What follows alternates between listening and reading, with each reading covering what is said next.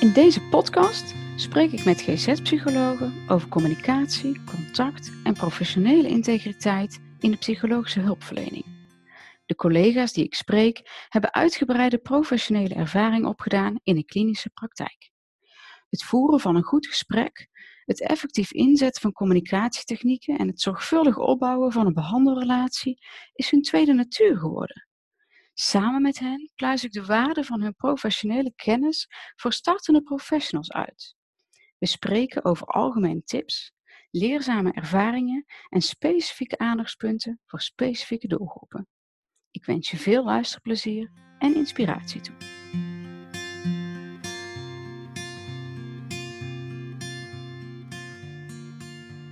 In het volgende gesprek spreek ik met Martijn Vos, werkzaam als GZ-psycholoog bij Regionaal Centrum Optie, onderdeel van GGZE.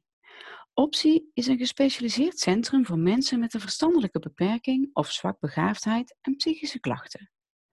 We spreken onder andere over bondgenootschap, leren autorijden, doelgericht werken, basisbehoeften, de betekenis van een diagnose, out-of-the-box denken en het aanpassen aan je cliënt, bijvoorbeeld aan mensen met een verstandelijke beperking of zwakbegaafdheid.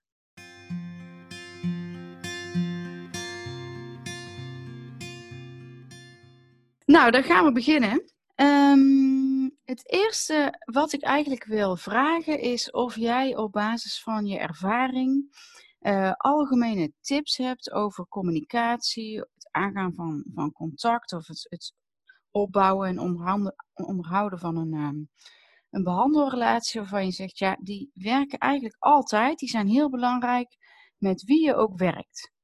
Mm nou, wat ik daarvan denk, is wat ik geleerd heb door mijn uh, werkervaring, is dat het uh, heel belangrijk is dat je heel bewust steeds probeert af te stemmen met degene die voor je zit. Mm Door het werken met mijn doelgroep uh, is dat extra belangrijk, omdat je heel hoog risico loopt om anders de ander te missen. Daar kom misschien dadelijk nog wel op terug.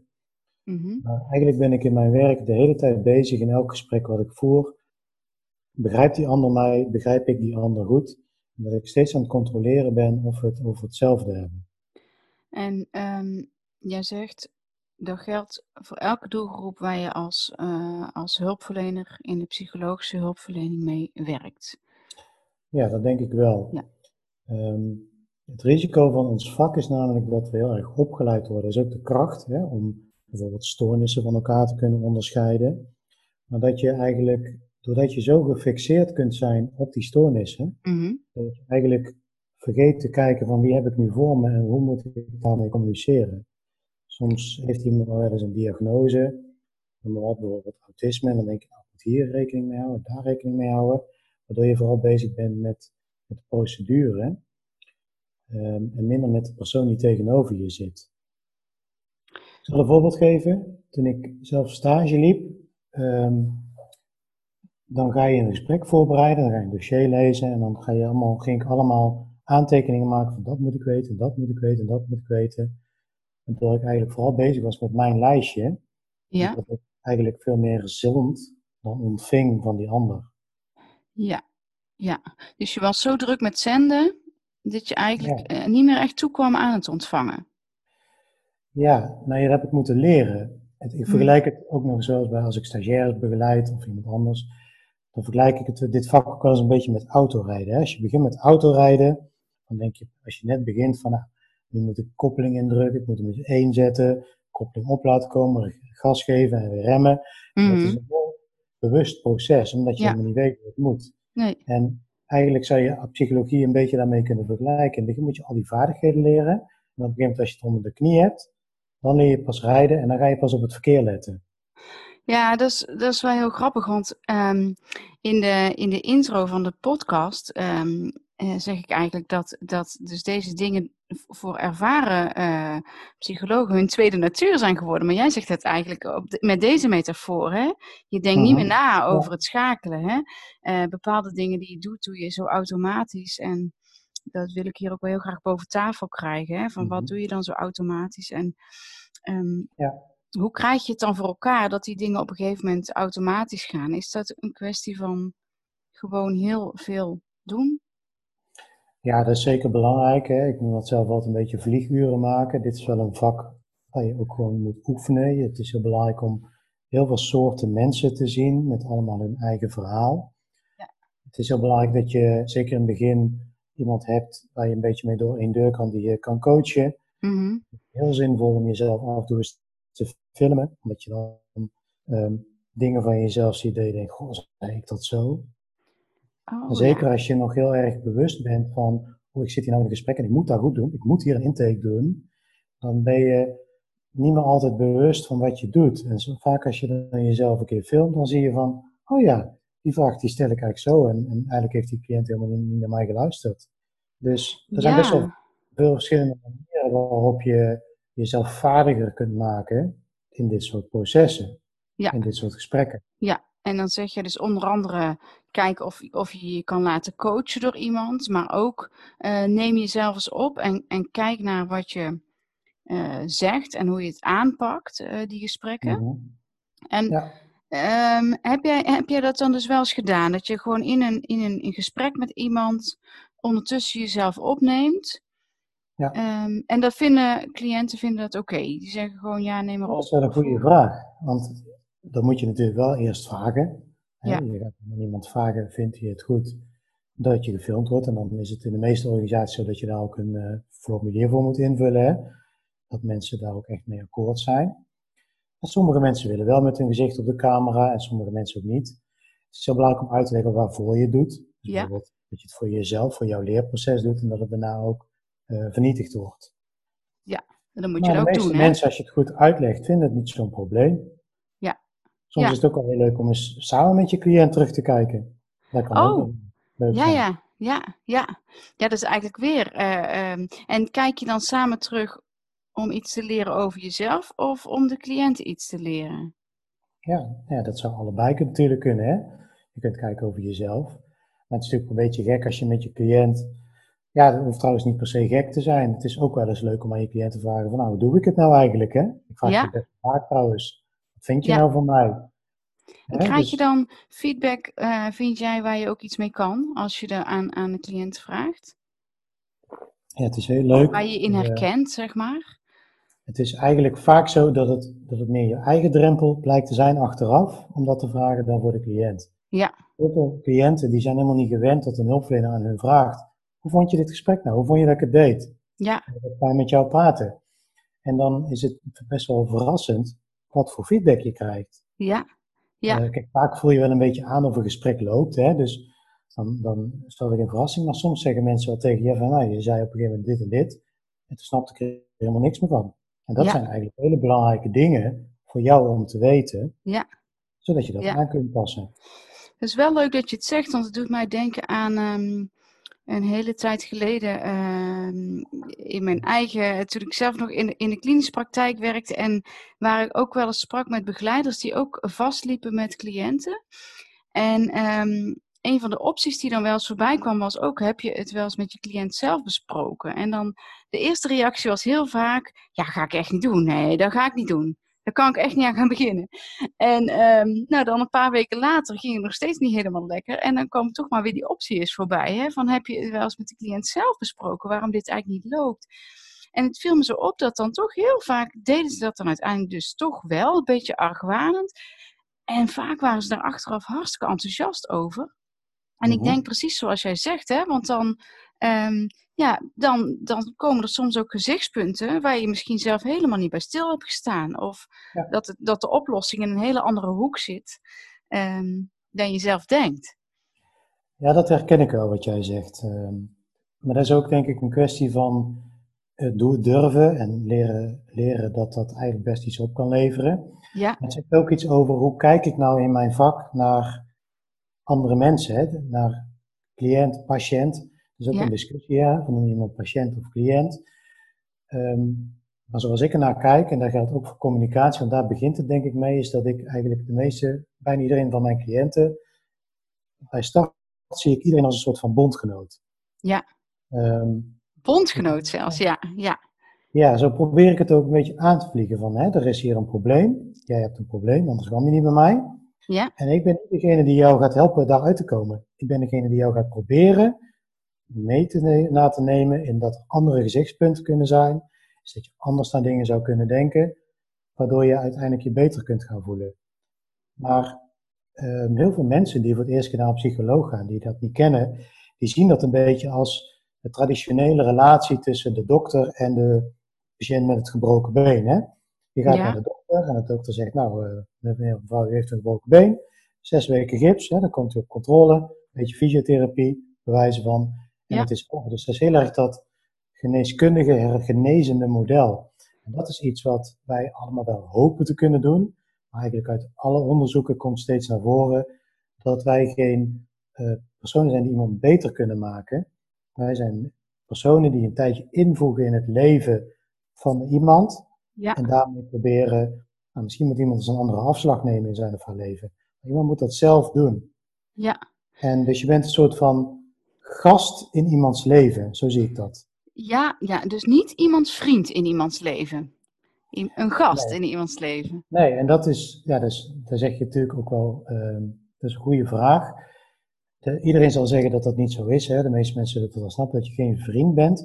Maar in de praktijk is het nog niet zo makkelijk om daar een goede uh, weg in te vinden. Van tussen afstand houden, professioneel afstand houden mm. en oprecht betrokken zijn. En misschien ja. een stapje extra doen. Ja. Dat dat heel goed is voor deze persoon of voor je werkrelatie. Ja. En dat, dat, is, dat, is een, dat is iets wat je kunt oefenen. Ja. Hè, daar heb je wel weer goede begeleiding en feedback bij nodig. Maar dat, als je dat een beetje onder de knie krijgt, dan zul je dus merken, ik ben op een gegeven moment op het punt gekomen in mijn carrière, denk ik, voor zover ik dat kan overzien, dat je mij eigenlijk bij willekeurig welke cliënt kunt zetten en ik red daar wel een gesprek mee. Ja. Dat maakt me niet meer zoveel uit, maar dat komt omdat ik niet zo bezig meer ben met dat ik iets moet geven. Dat ik maar dat klinkt alsof je zegt, eerder was dat niet het geval. Ja, dat klopt. In het begin, toen ik net dit werk ging doen, en zeker als stagiaire, dan denk je, oh, ik moet nu een intake doen en ik, of ik moet een adviesgesprek doen. En dan ga je heel erg met een soort missie zo'n gesprek in. En hoe meer je voorbereid bent, vaak mensen voelen dat goed aan. Dus als jij heel erg gericht bent op van ik moet dit doen, dan voelen mensen. En dan vaak zie je dat het gesprek ook helemaal niet zo gaat zoals je eigenlijk gepland hebt. Hmm. Dan, zeker in het begin, als ik naar mezelf kijk, dat ik dan eigenlijk in de gesprekken, dat, dat het dan niet volgens mijn script ging, hè, wat in mijn hoofd zat. Ja dat ik eigenlijk een beetje kon blokkeren. Ja, jij, dus jij zegt eigenlijk. Ik, ja, dit is een hele interessante, want het is ook wel ingewikkeld. Eigenlijk, jij zegt volgens mij, ja, kijk, als je weinig ervaring hebt, dan denk je, ik, ik moet me goed voorbereiden op het type gesprek wat ik ga voeren. En jij zegt nu, ja, ik heb zoveel ervaring. Uh, het maakt me eigenlijk niet meer zo uit met wie ik moet spreken en in welk stadium van de cyclus dat gesprek is. Ik red me daar wel uit. Hè? Um, Maar tegelijkertijd is het natuurlijk ook niet zo dat, je, dat jij, denk ik, zegt: uh, Nou, voorbereiding laat maar achterwege. Hè? Um, dus er is een periode waarin je, waarin, en daar heb je het volgens mij weer over dat leren autorijden, waarin je bijna op een geforceerde manier uh, moet nagaan. Ja, oké, uh, eh, wat voor soort gesprek ga ik voeren? Ga ik iemand nou een advies geven dadelijk? Of gaan we eigenlijk nog helemaal aan het begin hè, een, een intakegesprek doen en kijken wat er aan de hand is? En uh, ja, mhm. wat voor type mens komt er dan eigenlijk bij mij binnen? En, en is het een hele groep of is het één iemand? En is het een, een, een volwassen iemand of een kind? Hè? Um, en ik kan me heel goed voorstellen als je heel veel ervaring hebt, dat je dat allemaal niet meer, jij gaat niet meer elke dag je afvragen, is dit eigenlijk een intakegesprek of een adviesgesprek? En wat, waar moet ik dan op letten? Um, ja, ja, dus, dat is wel leuk. Eigenlijk doe ik dat nog steeds wel. Want ja. ik ben probeer wel altijd heel bewust te zijn in welke fase zitten we nu en wat vraagt dat? Wat zou ja. ruwweg een beetje de output moeten zijn van dit gesprek? Ja, dus je let toch nog wel op dingetjes. Ik wel heel, probeer wel heel doelgericht te zijn. Ja. Uh, de valkuil is als je natuurlijk onbevangen elk gesprek ingaat, is dat je een beetje gaat keuvelen met iemand. Hè? Dat heb ik ook heel vaak gedaan en dat ik dacht achteraf van ja, dat heb ik eigenlijk, heb ik eigenlijk gedaan. Ja, ja, ja, was heel gezellig. En ik dan ja. aan die cliënt vroeg, die ging dan, ik heb een tijd op een afdeling gewerkt, die ging dan naar zo'n verpleegkundige, die zei, ja, ik was al bij die psycholoog, maar ik weet niet wat ik daar uh, nou moest gaan doen. Ja. En dat zijn van die momenten die je ook echt um, mee moet maken om te voelen van, ja, wat, wat ben ik nou eigenlijk aan het doen? Ja. En wat ja. het leuke is, als je dan gaat oefenen en dat je dan bedenkt, dan kan ik eigenlijk ook wel eens met mijn cliënt bespreken vooraan. denk je, wat gaan wij hier nou vandaag doen? Ja, ja, ja. Verwachtingen, wat zijn mijn verwachtingen? Hoe gaan wij dat doen? Ja. Ben je weer, heb je weer een bondje? Ja, ja, precies. Nou ja, oh, ja, mijn hoofd stroomt nu helemaal vol met vragen. Want, um, nee, maar eh, toch even, even nog heel even terug. Want jij zegt net, um, uh, het maakt me eigenlijk niet meer uit, maar jij zei ook eigenlijk, het maakt me niet meer uit met wie ik een gesprek voer. En um, jij zei, dus, want je zegt ondertussen wel, ja, maar ik ga, ik ga wel van tevoren na welk doel heb ik en welke output als het ware wil ik bereiken. Um, kan je dan toch nog eens één keer uitleggen wat je bedoelt met het maakt me niet meer uit met wie ik een gesprek zou moeten voeren? Waar je dat blijkbaar eerder wel had. Ja, nou, dat bedoel ik. Kijk, ik werk in een instelling waar in het hele DSM-boek, zeg maar, waar mensen voorbij komen met klachten van links naar rechts. Ook bij mij op de werkplek. Um, maar wat ik geleerd heb, is dat er eigenlijk bij elk mens een soort onderliggende principes zijn waar mensen behoefte aan hebben. Mm-hmm. En uh, dat is um, een stukje verbondenheid, hè, therapeutische relatie noemen wij dat dan in dit werk. Mm-hmm. En dat je dus samen bent, bij, en er zit dan een professional met een cliënt, en die zijn bij elkaar om iets te doen wat zin heeft. Want anders dan hoef je die gesprekken niet te doen. Ik denk dat mensen weer op zoek zijn naar regie. Mm-hmm. Uh, mensen hebben het nodig om grip te ervaren op zijn, hun leven. Ja. Ik ook. Hè? Ik, ik wil altijd een soort van overzicht. Nou, wat ben ik aan het doen? Hoe zit mijn leven in elkaar? Hoe zit het met mijn relaties? Hoe zit het met mijn werk? Wat vinden ze van mij? Met mijn vrienden, mijn hobby's? Maar dat is een hele, zijn hele basale behoeften. En wat je vaak ziet bij mensen met psychische klachten, is dat ze die grip verloren hebben. Hè? En dat uitzicht dan bijvoorbeeld dat iemand zich somber voelt, of dat iemand zich heel angstig voelt. Of als iemand autisme heeft of ADHD. Het zijn allemaal, uh, uiteindelijk gaat het erom dat mensen het gevoel hebben dat ze niet meer zo goed de grip hebben op hun eigen leven. Um, ja. Dus dat zijn een paar elementen die, die je zo eigenlijk volgens mij bij elk mens belangrijk zijn, onafhankelijk van de stoornis, waar iemand is, hoe oud iemand is. Ja. Alleen, je moet je natuurlijk in het gesprek wel aanpassen aan wie je tegenover je hebt. Het maakt heel veel uit of je iemand spreekt uh, binnen een TBS-kliniek of een kind van tien jaar uh, die gepest wordt op school. Ja. Maar als je het terugbrengt, en dat is, ja, dat is wel moeilijk, dan moet je ook veel mensen voorzien, dan gaat het vaak wel over dezelfde processen. Mensen willen Ja. gezien worden, willen ertoe doen.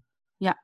En Ja. wat ik dus geleerd heb, is dat als je daarop gaat zitten, dat je eigenlijk bij elk mens een beetje ehm, raakvlakken kunt vinden. Alleen bij de een gaat het over een, de- een ene behoefte en bij de ander gaat het over een hele andere behoefte. Het onderwerp is heel verschillend, hè? iedereen is anders.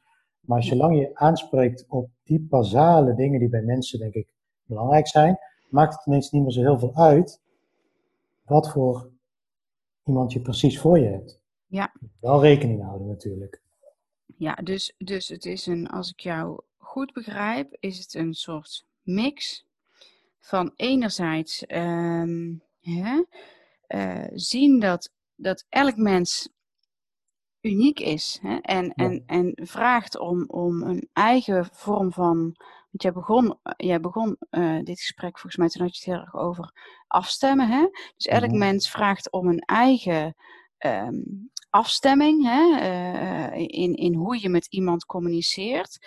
Eh, Mhm. En tegelijkertijd zeg jij ja, maar onder al die, ehm, die unieke stijlen ligt ook eh, eh, wat verder verscholen als het ware. Ja. eh, een aantal basisbehoeftes die alle mensen met elkaar delen. Iedereen wil serieus genomen voelen, worden, wil, zich, eh, eh, wil het gevoel hebben dat hij ertoe doet. eh, vindt het prettig Ja. als iemand oprecht naar hem luistert. En jij zegt Ja. ja, dat neem ik mee in mijn houding, waardoor ik eigenlijk me ook zekerder ben gaan voelen dat ik eigenlijk wel met heel veel mensen kan communiceren. Want al die mensen hebben die behoeftes. Hè?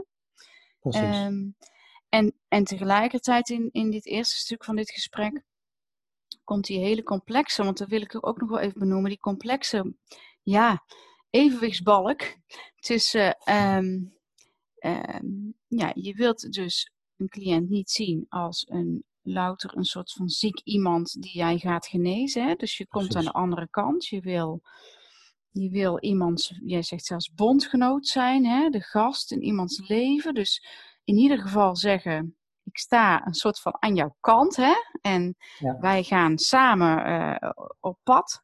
Uh, maar dan wel weer op een manier die niet alleen maar uh, bestaat uit gezellig, een beetje kletsend en vriendschapsachtig de sessies doorgaan. Hè? Dus dat is best, ook wel, best wel lastig, lijkt me. Ja, um, ook heel leuk. ook heel leuk, ja, daar hoop ik wel. Want als je dat niet leuk vindt, dan, um, ja, dan moet je een andere baan gaan zoeken eigenlijk. Ja. en daarop aanhakend, uh, Wiske, is, is die bondgenoot, die kan zich er heel anders uitzien. Hè? Ik heb ook een tijd op een gesloten afdeling gewerkt. En dan kan het zijn dat, dat iemand nog maar heel kleine keuzes zelf kan maken, omdat iemand op dat moment overspoeld is door nou, allerlei gevoelens of ja, ziek zijn of hoe je het ook wil noemen. Kijk, en dan ben je een hele sterke bondgenoot die ook soms voor mensen beslissingen neemt. Ja. Maar binnen dat proces ben ik er wel altijd op gericht, zoveel mogelijk, ehm, dat de keuze die iemand nog kan maken, die ook gaat maken. Ja. ja. Zodat iemand wel nog het gevoel heeft, hoe klein het ook is, uh, wel het gevoel heeft van, hé, hey, ik doe ertoe. Mijn mening telt. Ja. Ook al is dat binnen de, de setting van de gesloten psychiatrie. Ja, ja. En, oh. en ja, dat, dat, dat vind ik ook een heel mooi doel. Juist als het heel moeilijk wordt voor mensen om dan toch mensen nog het idee proberen te geven van hé, hey, je hebt nog enige invloed op je leven. Ja, ja. Omdat ik weet dat die weer groter zal worden. Ja, ja, precies. En dat je daarmee dus ook erkent dat dat belangrijk blijft, hè?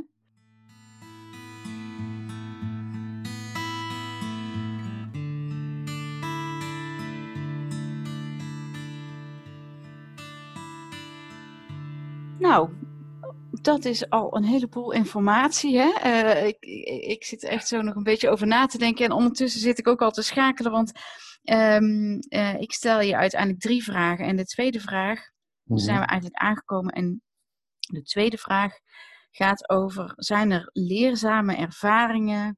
Ik noem ze ook wel eens soms blunders, maar het zijn niet altijd blunders. Het zijn soms ook gewoon ervaringen waarvan je zegt: ja, de dat is me toen gebeurd en daar heb ik mhm. ontzettend veel van geleerd. En dat zou ik ook graag willen delen, omdat ik denk dat hier mensen nou echt van kunnen leren. Ja, nou, laat we eerlijk zijn, ik heb al heel veel blunders gemaakt. Ja, ja, ja, ja heel gezond denk ik. Ja, dat, dat, dat, kan ook niet anders. Ik heb daar al even over nagedacht. Um, en toen dacht ik, ik heb bijvoorbeeld bedacht wat ik, um, um, wat aanhaakt bij het vorige verhaal. Ik, een paar jaar geleden, ja, dat is al wel langer geleden, ja, of acht, negen geleden, toen uh, werkte ik op die gesloten afdeling. Mm was ik ook in een gesloten afdeling, kregen wij een vrouw op, aangemeld met uh, autisme en uh, zwakbegaafd uh, niveau. En die mevrouw die had al 15 jaar op allerlei verschillende afdelingen gezeten binnen onze instelling. Dus die stond bekend als ehm, extreem lastig. Ja. Nou, die, die kwam bij ons. En dan moet je je voorstellen dat wij op een afdeling werkten met uh, alleen maar nieuwe mensen. We kenden elkaar allemaal niet. Het was net nieuw. Dus toen kwam die mevrouw. We hadden de intake gedaan en ik dacht, nou, ik weet toevallig wel iets van autisme toen al. Ik denk, nou, die is echt zo autistisch als iets. Hè? De, sommige mensen kun je dat heel goed zien. Maar die mevrouw, die, die, die wilde dat niet weten. Want die had daar een heel andere uitleg voor. En toen dacht ik, heel naïef, ik zet in het zorgplan uh, psycho-educatie, autisme. Ik dacht, nou, Hè? Ik weet daar wel iets van. Ik zal jou wel eens even uitleggen hoe dat bij jou zit. Ja, ja. Nou, ja. Dus uh, ik uh, dacht uh, van, nou, dat gaan we doen. Dus ik naar die mevrouw toe een paar keer, een paar gesprekken. En nou, eigenlijk het eerste, de beste gesprek had ik, had ik een slaande ruzie met die mevrouw. Ja. Want die mevrouw die zei, hey, wat kom jij mij vertellen? Die zei, ik heb geen autisme en als jij daar nou blijft zitten, dan kun je daar eens het gat van de deur. Oh, ja. En ja. liep eruit en ze gooide een beker kapot in de gang. Nou, dan zat je met je psycho-educatie. Ja, dan zat ik dus met een rood hoofd, hè, want ik had adrenaline tot in mijn keel. En een paar collega's die, eh, die keken mij zo eens aan van, uh, gaat het?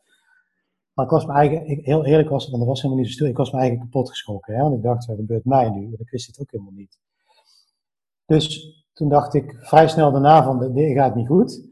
Dus toen ben ik daar lang over na gaan denken. En uh, toen kwam ik eigenlijk, met een collega heb ik daarover gehad, kwam ik eigenlijk tot de conclusie dat ik vond dat zij had namelijk het label autisme, hè, dat had iemand uh, opgeplakt. Dat was nog waar ook. Maar dat paste zo niet bij, het, uh, bij de beleving van bij haar levensverhaal als oorzaak van haar klachten. Zij, wil, zij kon daar helemaal niks mee.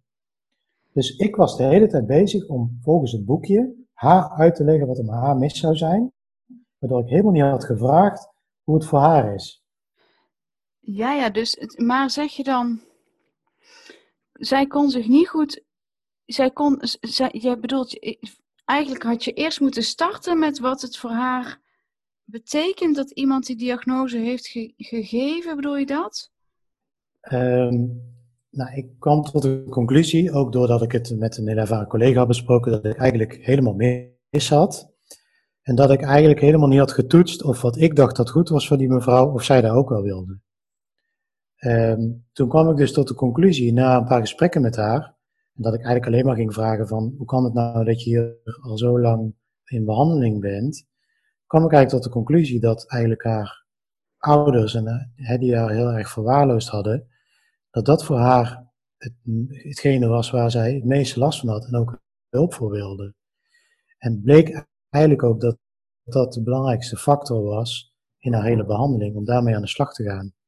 Dus doordat ik niet had gecheckt bij haar, wat eigenlijk haar kant van het verhaal is, wat haar levensverhaal is en hoe zij daarin staat, dacht ik er wel even te weten van nou, dat is de stoornis, die zal wel belangrijk zijn en ik kan jou uitleggen wat er moet gebeuren. En ik zat er gewoon helemaal naast. Maar dan eigenlijk zou je dus ook kunnen zeggen, als je kijkt naar de uh, cyclus van de Bruin eigenlijk, dat, dat, dat, dat, dat haar hulpvraag een hele andere was. Ja, ik was eigenlijk gewoon voorbij gegaan aan haar hulpvraag. En ik had mijn klachtenanalyse eigenlijk ook helemaal niet zo goed gedaan. Ik had eigenlijk de indicatiestelling gedaan, er is autisme, dus psycho-educatie. Want dat heb ik ergens in een boekje gezien. Ja, ja, ja. Dus en ik had een hele stuk overgeslagen achteraf. Ja, ja precies. En, en, en, en daardoor kun je eigenlijk ook begrijpen dat die mevrouw zo ageerde tegen jouw uh, interventie, hè? Ze had eigenlijk gewoon helemaal gelijk. Ja. Het was niet zo handig om die de kop dan kapot te gooien, maar het was wel duidelijk geworden. Ja, ja. En, en denk jij, als je het nou had omgedraaid, dan had die psycho-educatie misschien ook nog wel effect kunnen hebben? Ja, nou ja, het grappige was dat ik dus een Ah, ja, ik had natuurlijk, stond natuurlijk toen ineens 2-0 achter. Maar toen, eh, ik heb die mevrouw best lang in behandeling gehad, uh, jaren, dat uiteindelijk kwamen we daar wel bij. Want we kwamen tot een soort overeenkomst van, ik vond dan dat het autisme heette. En zij vond eigenlijk al die symptomen herkennen ze, maar zij wilde, het geen, zij wilde niet dat het autisme heette, want het was voor haar heel stigmatiserend.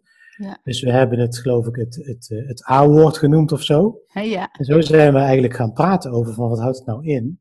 En toen kwamen we er eigenlijk tot de conclusie dat ze dat heel erg herkende. Ja. En eigenlijk ook best veel mee kon, maar ik moest het gewoon geen autisme noemen. Ja, heb je dat vaker gehoord? Dat, dat, dat mensen moeite hebben met het, het feit dat je, um, uh, dat je dus uh, je diagnostisch onderzoek ook echt laat uitmonden in de naam van een stoornis. Dus een soort van een label of een. Ja. Nou ja, dat, dat, is, dat is een goede vraag ook weer. Um, kijk, mijn doelstelling is, het wat ik ook aan het begin van het gesprek heeft, ik vind bij alles wat wij doen, dat heeft ook erg met mijn uh, werkplek te maken, dat degene voor wie je werkt, dus dat is de cliënt, die moet alles kunnen snappen wat wij aan doen zijn. Mm -hmm. En dat, um, dat is ook een soort persoonlijke missie wel. Um, het is mijn taak als psycholoog dat mijn klant, mijn cliënt, snapt wat ik aan het doen ben. Dus zowel hoe ik praat, als wat ik opschrijf. Dus ik vermijd heel erg alles wat ingewikkeld is. Um, dus ik probeer wel dingen um, uit te leggen op het niveau dat die cliënt snapt wat ik bedoel. En dat iemand daar ook iets mee kan in zijn of haar leven. Wat ik niet doe is het de woorden vermijden. Want het is wel zo dat, ook naar de verzekeraar, dit soort dingen ook wel een naam hebben. En ik heb ook al heel veel situaties gehad dat juist het, het geven van een diagnose, het stellen van een diagnose, enorme erkenning kan geven voor iemands worsteling al van soms tientallen jaren. Ja, maar eigenlijk zeg je dus eigenlijk drie dingen. Hè? Dus een, uh, soms kan een diagnose um, um, een erkenning zijn. En, mm -hmm. en op, misschien wel een beetje een opluchting geven. Hè? Ja, ja. Um, je zegt er zijn ook mensen voor wie een diagnose eigenlijk juist heel erg stigmatiserend kan, kan aanvoelen. Hè? En waardoor je eigenlijk per definitie al ageert uh, tegen de diagnose, ook al herken je in alles wat erbij hoort. Hè? Maar je, kunt je, dan niet, je wilt je daar misschien niet goed mee vereenzelvigen. Uh, en, en er zijn ook mensen um, die misschien gewoon um, ja, de termen in zo'n stoornisnaam niet goed begrijpen of daardoor eigenlijk niet goed komen bij het begrip van ja, wat is er nou aan de hand? Uh, dat, is, dat is eigenlijk weer een hele andere situatie, hè? want er staat nog los van of je accepteert dat er iets is of niet. Maar het leuke daarvan is, is eigenlijk dat, dat je dat proces kun je beïnvloeden. Dus waar, welke uitkomst? Hè? Dus is het stigmatiserend of is het juist herkennend of is het um, nou ja, optie 3 wat je, die je net zei. Um, eigenlijk jouw attitude en jouw manier van doen als psycholoog of, mm of pedagoog of uh, psychiater ook, die is heel erg bepalend, denk ik, in hoe, hoe de output zal zijn. Kijk, als jij heel droog een diagnostisch onderzoek doet en je zegt, nou, we hebben een verrassing voor u, u heeft uh, borderline of uh, autisme of ADHD of en, en je zegt er verder weinig over en dat gebeurt stiekem toch best heel veel. Mm Dan is de kans vrij groot dat iemand dat als ziekmakend kan ervaren. Hè? Van nou, nou, wat ik nou te pakken heb. Terwijl als je iemand door dat hele proces, ook tijdens de diagnostiek, ook in de voorbereiding, meeneemt in waarom doen wij dit en hoe kan jou dit helpen in jouw leven, dan zal iemand dat veel beter begrijpen, want dan heeft iemand ook weer grip op zo'n diagnostisch proces. Mm -hmm. Ja.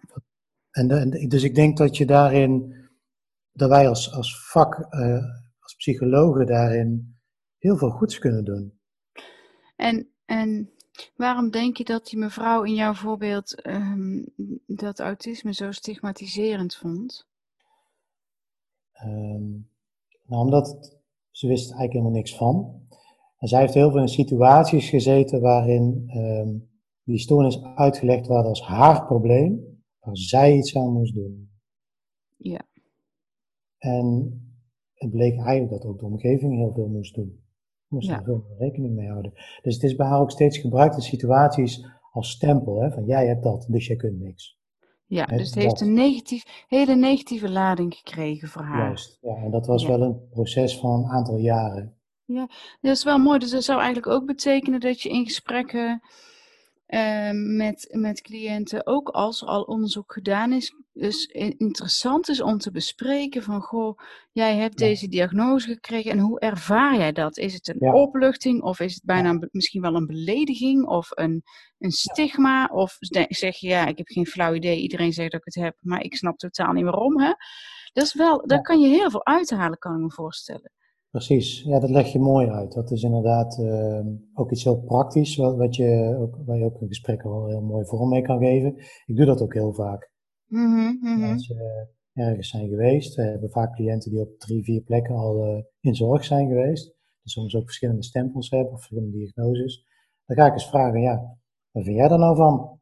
Ja. Dan, dan is het best wel schrikbarend ook om te zien dat mensen dan zeggen, ja, maar dat heeft nog nooit iemand aan mij gevraagd. Nou ja, ik, ik vind het ook interessant omdat we er nu op komen. En het, het valt me op dat um, um, um, in de opleiding uh, krijgen, denk ik, professionals nog wel regelmatig de tip mee van, goh, informeer ook eens naar iemands hulpverleningsgeschiedenis. Maar dan meer ja. in de trant van, goh, heb je al wel eens hulp ontvangen en hoe, uh-huh. hè, hoe ben je daar tevreden over en wat, wat is je daar wel niet goed aan bevallen, et cetera. Uh-huh. Maar even zo goed kan je dus de vraag stellen, wat vind je tot nu toe van de uitkomsten die uit die onderzoeken zijn gekomen? Hè? En, en kan je je daarin vinden? En wat betekent het ook als iemand zegt, ja, ik, ik ben het daar nog steeds niet mee eens of ik kan me daar niet in vinden. Of ook al is dat drie keer vastgesteld, ik geloof het niet. Hè? Um, Precies. Um, ja, Um, um, dat, dat, dat zegt in ieder geval iets over, over de situatie en, en, en de persoon daarbij. Kijk, en dat zijn, dat zijn een soort type vragen die heel erg gaan over de beleving van iemand. Hè? Over ja. Dat unieke verhaal. Kijk, en dat zijn van die dingen die ik dus probeer vaak toe te passen, waardoor ik het gevoel heb, die kan ik bij iedereen vragen zo'n vraag. Ja, ja, ja. Kijk, en daarmee doe je eigenlijk een, aanspraak op die onderliggende processen waar we het straks over hadden, over hoe sta je in het leven. Heb je een grip daarop? snap je ook wat al die hulpverleners over jou hebben gezegd soms. Ja, nou ja, en je doet dus ook, uh, als je het dan weer hebt over, over uh, een beroep doen op iemands um, behoefte aan erkenning hè, en, en, en autonomie. Eh, de, de vraag van, goh, wat vind jij hier nou eigenlijk zelf van, is dan zo krachtig. Hè? Ja. Um, en, en we moeten denk ik niet bang zijn met elkaar om die vraag te stellen. Um, nee. um, omdat ik jou eigenlijk ook hoor zeggen, je kan er juist heel veel mee winnen. Ook al kan je niet alle wensen inwilligen, hè, maar gewoon luisteren. En, en ja, precies. Want ja, vaak zit er ook vrees van dat je dan bijvoorbeeld andere collega's zou kunnen disqualificeren als een keer bijvoorbeeld ontevreden is. Ja, ja, ja. Maar het gaat ook niet zozeer om een oordeel, het gaat er meer om over de beleving. Hoe heeft iemand dat ervaren? Ja. meestal doen mensen ook naar eer en geweten hun werk. En hebben ze daar stiekem best goed over nagedacht. Alleen in die fase, misschien in die periode van het leven van die persoon, was dat niet zo helpend. Mm -hmm. dat, ja. dat, wil je weten, want dan is het voor jezelf slim, want dan moet je dat vooral niet nog een keer gaan doen. Ja. Dus het is ook heel handig, het maakt je werk eigenlijk efficiënter. Ja. Wat zei je nou als laatste, het maakt je werk? Efficiënter, door efficiënter. te van, ja maar, want je, je kunt er ook mee strepen van nou, als dat al geprobeerd is en heeft niet geholpen, ja, dan kan ik dat beter niet gaan doen. Ja. Ja, ik ben blij dat we er wat verder op door hebben gepraat. Want zo zie je in elk gesprek weer, hè, je begint ergens en we beginnen in dit geval met jouw ervaring met die mevrouw, maar we leren er eigenlijk ontzettend veel van. En misschien ook wel meer dan we uh, aan het begin uh, uh, zouden vermoeden.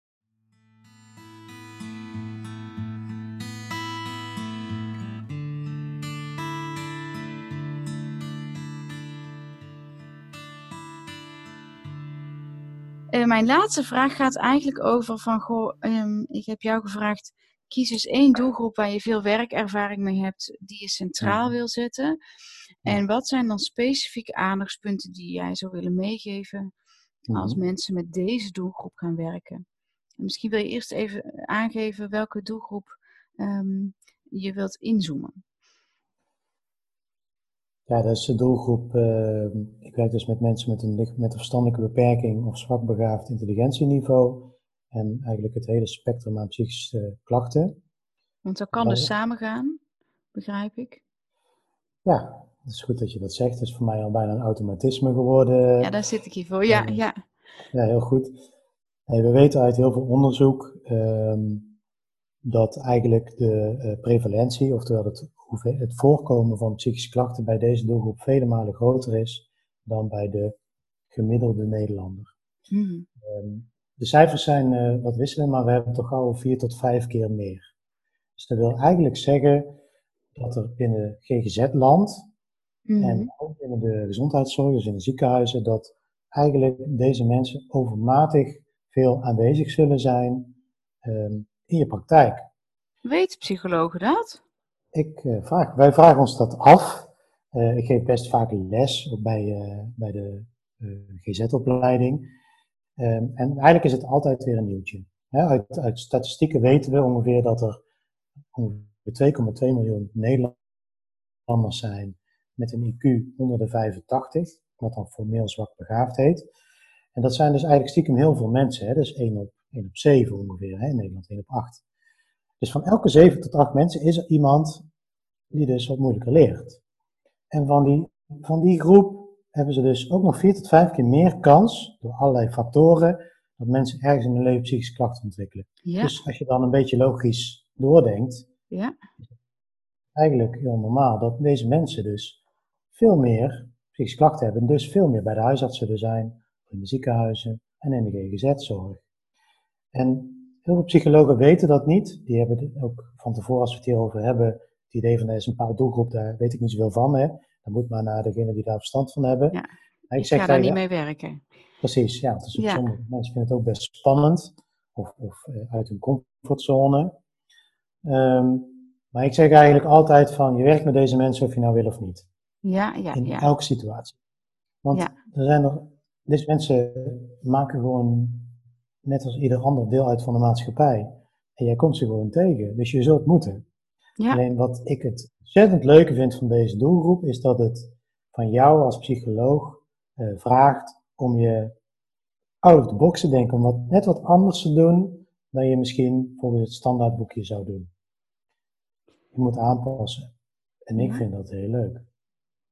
Dat is ook wel lastig, dus want er zijn natuurlijk allerlei, er zijn natuurlijk allerlei behandelrichtlijnen en duidelijke richtlijnen over hoe je gestandardiseerde testen afneemt. En dan dat probeer je mhm. allemaal serieus te doen. En tegelijkertijd zeg je, ja, wat nou zo leuk is, is dat je een beetje out of the box moet werken.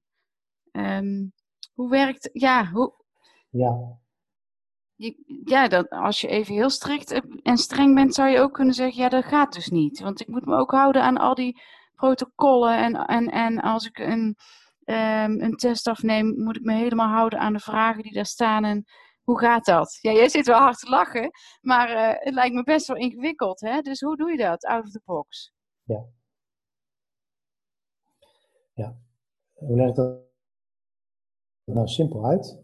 Um, er wordt de laatste jaren in Nederland heel veel onderzoek gedaan naar deze doelgroep en er is inmiddels ook een landelijke richtlijn uh, gemaakt vanuit Trembos. Ja. Waarin eigenlijk gesteld wordt dat juist ook bij deze doelgroep ook gewoon wel methodisch moet werken zoals de richtlijnen voorschrijven. Alleen het vraagt met name van jouw houding, jouw communicatie, jouw attitude als psycholoog of therapeut, dat je dat wat normaal moeilijk beschreven staat, dat je het eigenlijk simpel maakt, zodat diegene voor wie je werkt jou kan volgen. Want ja, je zou het ook heel simpel kunnen, dat bedoel ik met out of the box. Ja, je komt er niet mee weg om het precies te doen volgens het boekje. Je moet wel dezelfde volgorde doen, want dat is evidence-based, hè. Daar is heel goed over nagedacht. Dus het is een effectieve behandeling. Maar als je het precies doet zoals het er staat, zul je die cliënt missen. Want die kan jou niet volgen. Ja. Dat bedoel ik met out of the box. Dus je moet creatief zijn in het uh, zorgen dat die cliënt, ook al heeft hij een net wat andere manier van communiceren of wat andere manier van denken, toch jouw geprotocoleerde behandeling kan volgen. Ja, dus nou ja, uh, dus, dus die out of the box vraagt ook wel um, flink kritisch denken en kijken naar um, hè, waarom is deze interventie nou zo effectief en hoe kan ik die effectiviteit behouden? Ja. Uh, ook bij een doelgroep waarbij ik eigenlijk bepaalde aanpassingen moet doen. Het doet mij weer een beetje denken aan, je gaat, ook, je gaat dus niet leuk, lukraak, keuvel en gezellig doen, hè? Uh, maar je, je blijft wel doelgericht in je out-of-the-box uh, benadering. Dat geldt altijd. Ja. Want uiteindelijk moeten we natuurlijk wel binnen een bepaalde tijd een bepaald doel halen. Hè? Want ik bedoel, ons ja, GGZ-zorg is ook best gewoon wel heel duur. Ja. Hè? We worden ook wel geacht dat het iets oplevert. Hè? Dat mensen er iets aan hebben. Ja. Dus eigenlijk zeg je... je kan, werken. Ja, dus je kan wel methodisch werken. Um, maar daarbij heb je ook een zekere... Uh, of misschien een hoge mate van, van uh, aanpassingsbereidheid ja, uh, nodig. Omdat als iemand jou niet kan, kan volgen, ja, dan mis je natuurlijk per definitie ook je doel. Hè? Ja, en dat is, dat is een soort mindset, zo zie ik het een beetje, die je voor jezelf moet oefenen. Van dat je dus bij jezelf te raden moet gaan van, wat, wat doe ik nou eigenlijk? En, en waarom kan die ander mij nou niet volgen? Het is ook veilig om te zeggen, ja, die ander is niet zo slim en uh, ja, ik, ik doe het goed. Dus deze protocol doelgroep, volgen. Ja, ja, ja. Nou, deze doelgroep uh, vraagt van jou, als psycholoog, om je aan te passen. Want eigenlijk, want de ander kan het niet, hè? want we weten dat mensen met verstandelijke beperking, daar gaat niet over. Mensen kunnen er ook niks aan doen. Het is hoe het brein werkt. Dus door een beetje extra hun best te doen, ja, worden ze niet ineens 20 IQ-punten slimmer. Dus je werkt met een gegeven dat iemand is wie die is. Zoals dat ook geldt als iemand in een rolstoel zit. Je kunt ook niet zeggen, nou doe een beetje je best. En je kunt weer gaan lopen. Jij zult je aan moeten passen. Ja. Ook voor deze mensen. En dat vind ik juist de sport, om GGZ-zorg bijvoorbeeld, en dat is natuurlijk waar ik werk, toegankelijk te maken, ook voor deze doelgroep. En niet te denken van, ja, ja, ja, ja jammer dan. Mijn protocol gaat nu niet, ja, jammer, lukt niet. En ik denk, ja, maar dat vraagt wel van jou dat je heel erg naar jezelf kunt reflecteren, dat je daar de lol een beetje van in kunt zien. Ja. En ik, ja, ik vind een mega leuke uitdaging. Daar, daar, daar word ik heel warm van in mijn werk. Ja, nou ja, dat, dat, dat hoor ik, dat weet ik ook. Hè? En, en, en, en wat er mooi aan is, is dat jij eigenlijk ook zegt van ja, uh, laat je niet afschrikken. Want je kan dus um, ja. uh, eigenlijk um, heel veel behandelvormen kan je ook met deze doelgroep doen als je bereid bent om een bepaalde aanpassing op te zoeken. Um, alle behandelvormen, ja. ja, wat zeg je? Eigenlijk weten we dat vrijwel alle behandelvormen gewoon goed toepasbaar zijn. Ja, ja, en, en, en kun je dan eens wat concrete voorbeelden geven van aanpassingen uh, waar je dan aan zou kunnen denken? Want daar heb je misschien ook niet altijd een beeld van um, als je nog startend bent. Nee, dat zijn hele praktische tips. Mijn, ja, een van de belangrijkste tips is dat je dingen visueel moet maken. Visueel? Ja, omdat een van de hoofdkenmerken van mensen met een, uh, in ieder geval een lagere IQ, dus begaafdheid, een verstandelijke beperking, um, moeite hebben met het onthouden van talige informatie. Dus ja, als je dan een uur gaat zitten praten met iemand, dan kan ik jou garanderen dat diegene de keer erop, als hij weer bij je terug is, uh, dat niet onthouden zal hebben. Dus dan heb je eigenlijk een beetje een sessie voor de flauwekul gedaan. Um, wat er zo belangrijk is, is dat je dus heel erg uh, visueel gaat werken. Dus ik werk eigenlijk met een whiteboard en ik maak altijd een soort schema met alle belangrijke informatie die daarop staat. Um, wij hebben binnen Optie eigenlijk al onze ingewikkelde zorgplannen die wij vroeger hadden, die hebben wij visueel gemaakt, zodat iemand kan zien wat er bij ons opgeschreven wordt. En wij schrijven dus ook op het niveau van het begripsniveau van degene die tegenover ons zit. Maar wat is, wat is visueel maken? Wat is dat? Wat versta je daaronder? Dat je kan zien wat er gebeurt. Dus dat je tekeningen gaat maken, dat je schema's maakt, Ehm, dat je dus laat zien, met, mag natuurlijk ook wel met woorden. Bijvoorbeeld, uh, hoe leg ik dat uit? In de psychologie heb je cognitieve gedragstherapie. Ja. En dan kan ik jou uitleggen hoe dat dan precies werkt, hè, theoretisch. Maar wat je wil laten is dat er mensen zien dat er een verband bestaat tussen wat je denkt en wat je voelt en wat je vervolgens doet. Mm Het is heel belangrijk dat je dat aan mensen dus laat zien, zodat mensen een plaatje erbij krijgen. In de vorm van tekeningen bijvoorbeeld? Bijvoorbeeld, ja, of filmpjes, of um, met huiswerk. Je moet, ook, je moet eigenlijk meerdere zintuigen gebruiken, niet alleen uh, taalbegrip. Ja, dus een, een, een samenvatting in tekst van een gesprek, dat is niet wat jij bedoelt met visualiseren? Nee. Oké, dus als je een uur met iemand hebt gepraat en je, je maakt er een slag van en je stuurt het op, dat is dus niet visualiseren. Kan wel. Er zijn ook mensen die dat voldoende vinden, want iedereen, is, iedereen is natuurlijk ook weer anders. Dus dat kan wel. Maar waar ik, waar ik belangrijk vind, wat ik denk dat nodig is, is dat ik ervoor zorg dat. Um, de, je hebt in een sessie van met psychologie, je hebt altijd een paar dingen, van er zijn zeg maar de take-home messages. Hè? Dus ook als wij, als je college volgt, als je naar deze podcast luistert, hè? wij proberen heel bondig en duidelijk samen te vatten. Nou, als je iets moet onthouden, dan is het dit. Mm dat, daar ga je naar op zoek. En dat ga je proberen heel duidelijk te maken, zodat iemand dat ook kan zien. En dat iemand uh, dat ook echt begrijpt. Ja, dus, en later terug kan kijken.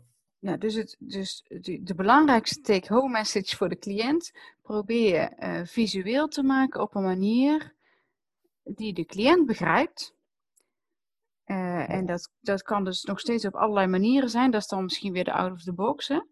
Ja. Um, met als doel in ieder geval dat het bij de ander um, ja, aanspreekt en ook, ja. ook binnenkomt.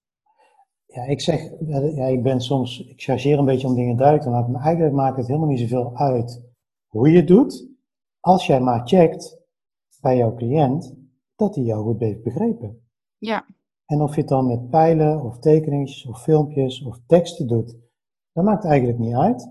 Als jij maar met jouw cliënt getoetst hebt, hebben wij het over hetzelfde. Heb jij begrepen wat ik jou uitgelegd heb en andersom? Ja. En als je het samen eens bent en iemand kan het goed verwoorden en goed herhalen, dan heb je het goed gedaan. Dus het is ook, um, dus het vraagt toch ook wel dat je nog steeds heel goed elke keer blijft kijken. Um, wat slaat bij iemand aan? Je kan niet zeggen, ja, ik heb, ik heb gewoon van, van de gemiddelde gesprekken heb ik gewoon een, een tekeningenreeks in mijn kast liggen en die haal ik tevoorschijn en die kan ik altijd gebruiken. Nee, zo, ja, nee. Nee, kijk, en, en naarmate je dit werk wat langer doet, leer je dit soort processen sneller herkennen. Dus dan heb je natuurlijk een paar dingen die je vaker gebruikt. Ja. Maar in essentie gaat het erom dat, dat jouw focus erop moet liggen dat die ander jou snapt. Ja. En ook toetst of het ook is. Wat ik heel vaak doe is van, nou, heb je begrepen wat ik zei? En dan zeg, zeg heel veel mensen ja. Dan zeg ik, nou, leg eens uit. En dan toets ik even of we het over hetzelfde hebben. Zegt die keer nou ongeveer hetzelfde, en dan ben ik dik tevreden. Ja. Maar daar gaat het om, dat je dat doet. En hoe je doet, dat maakt eigenlijk niet zoveel uit. Bij de ene werkt een tekening, en bij de andere werkt een, een boek lezen of iets op een website opzoeken. Maar het gaat erom dat je steeds nadenkt um, dat het dus ook anders kan dan alleen met, met het gesproken woord. En um, um, kom je ook mensen tegen die eigenlijk niet kunnen lezen of schrijven? Ja. Ja. En zeggen die dat dan ook tegen jou? Mhm. Ja, dat niet altijd. Ja. En vraag jij het? ik vraag het niet standaard bij iedereen. Maar wij hebben bijvoorbeeld uh, een groot tv-scherm bij ons in de behandelkamer staan waar het zorgplan op staat, waar mensen iets voor moeten lezen. Ja, dus dan weet je dan vrij snel zeg maar of iemand niet kan lezen.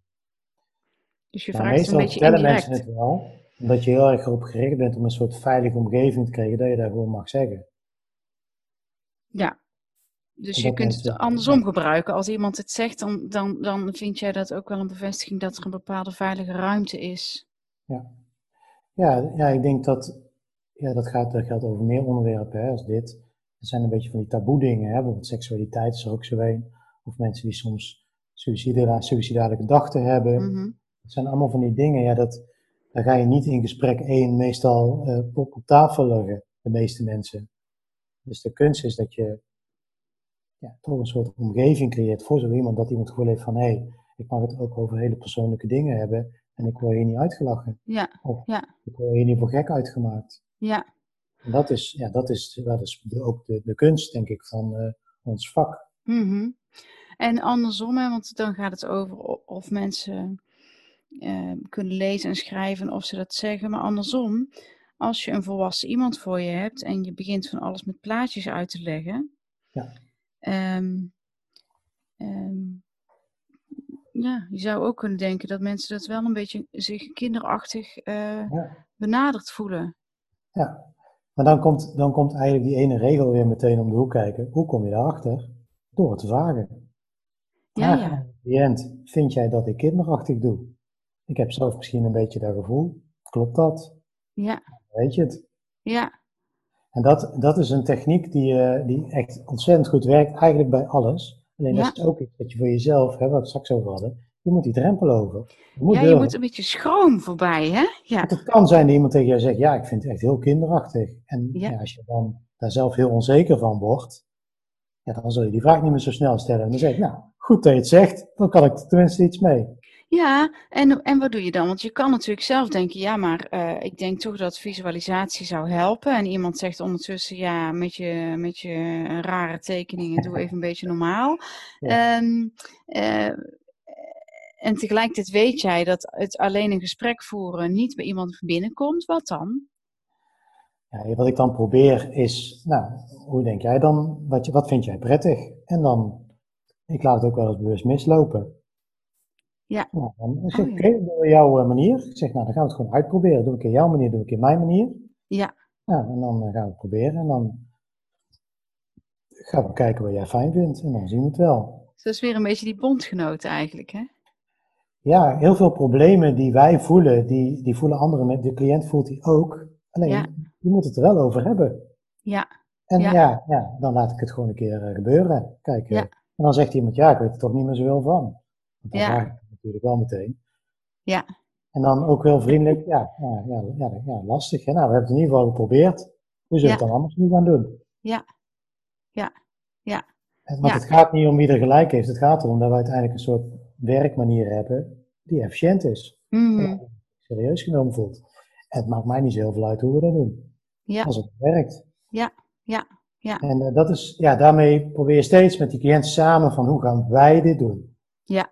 In Ja. plaats van hoe ga ik hard werken om jou zo goed mogelijk te helpen. Ja. En Ja, dat is dat is- een andere, dat is iets wat, ja, dat is een soort vaardigheid die echt heel leuk is om, om te gaan mee te gaan experimenteren. Ja, je gaat er ook helemaal van stralen. Ja. Uiteindelijk, uiteindelijk ehm, hoef je dan ook niet meer zo hard te werken zelf. Ja. En de- is dat fijn? Ja, dat is wel fijn. Waarom? Je zou kunnen zeggen, nee, maar hard werk geeft me heel veel voldoening. Of zo. Ja, maar ik bedoel, ja, dat klopt. Dat is waar als je het zo zegt. Eh, ja, kijk, ik bedoel, hard werken, als jij de hele tijd het gevoel hebt dat je die ander moet redden, en dat die ander die gaat dan zitten van, nou, ehm, ik vind het allemaal niks, je moet het nog beter doen, en dan ga je nog harder werken en nog meer eh, boeken lezen hoe het dan wel moet, Da- daar krijg je stress van. Ja, ja, ja? En, en, en die cliënt die schiet dan op jou, die zegt, ja, dit vind ik niet fijn, dit vind ik niet fijn.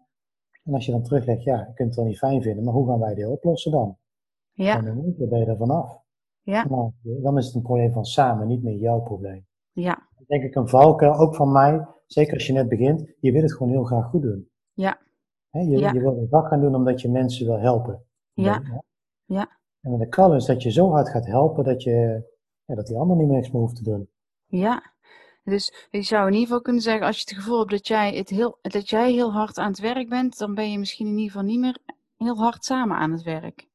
Ja, dat zijn van die signaaltjes die je bij jezelf kunt leren herkennen. Van, Ja, Als ik dan bij mezelf merk dat ik heel koortsachtig de hele tijd dingen aan het doen ben, dan zou je je af kunnen vragen of dat wel zo zinvol is.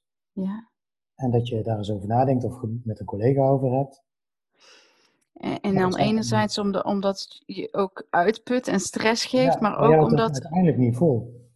ja, je houdt het niet vol, maar, maar de cliënt is ook weinig eh, zelf in beweging aan het komen. Hè? En dat wil je. Je wil eigenlijk dat, dat, dat die ander zelf dingen gaat bewegen. Want wij kunnen niemands leven veranderen. We Oh. kunnen alleen een beetje helpen. Ja, Ja, dat, wat ik in het begin zei. Ja, ja. Wij kunnen niet iedereen redden. Je kunt niemand redden eigenlijk. Je kunt Iemand niemand redden. Zo, ja. Ja. Nou, dan zijn we daar ook meteen even los van, eh, eh, Ja. van die ambitie. Uitspraak. Ja, maar Dus ja, ja. Uiteindelijk zullen mensen zelf keuzes moeten maken. Ja, En soms maak je het een tijdje voor hen, hè, als de situatie erom vraagt. Dus dan kun je misschien soms wel tijdelijk redden. Hè. Ehm, maar uiteindelijk moet iemand zelf weer door. Wij kunnen niet het leven van die ander gaan leiden. nee, nee. Nee, dat vind ik een hele ehm, goede boodschap om te horen. eh, eh, omdat ehm, je zal allemaal af en toe in die valkuil stappen. En het is denk ik goed om af en toe te denken, oh ja, wacht even. Ik heb het Ja. zelf een maand geleden nog meegemaakt. Ja, Ik ben Ja. helemaal gesteld met twee voeten. ja, ja. Ja, dus dat blijft ook af en toe nog gebeuren, zeg je eigenlijk. Ja, Ja, Ja. ja, ja, ik denk bij iedereen. Ja. We hebben, ja. Het is ook gewoon wel een heel leuk, maar soms ook best een lastig, moeilijk vak wat wij doen. Ja. ja, ja. En daar heb je emoties bij, ook wij. Nou ja, misschien moet je je vooral zorgen gaan maken als je, als je die niet meer hebt. Precies. ja, Ja, dat Ja. is ook onze kracht, hè? Ik bedoel, wij, ja, die van wij zijn ons eigen instrument. Dat is natuurlijk iets wat, wat je misschien wel eens gehoord hebt. Dat is, het is ook echt waar. ja, Je kunt jezelf niet uitzetten. nee, nee. En eh, dat is ook wel het mooie van ons vak, vind ik. Ja. Maar ook lastig. Dus het is een, een, een mooi, maar soms ook lastig vak. Eh, en toch zit jij hier heel stralend en blij aan mij te vertellen hè, hoe je aan het werk bent. En dat is volgens mij, eh, ja, dat, dat vat denk ik heel mooi samen. Hoe- ja, op een vrij eenvoudige manier hoe, hoe, het, hoe, hoe een beroep ja, verschillende elementen in zich kan hebben. Hè? En Ja. dat, het, dat het om veel balanceren tussen allerlei uiteindes eh, vraagt.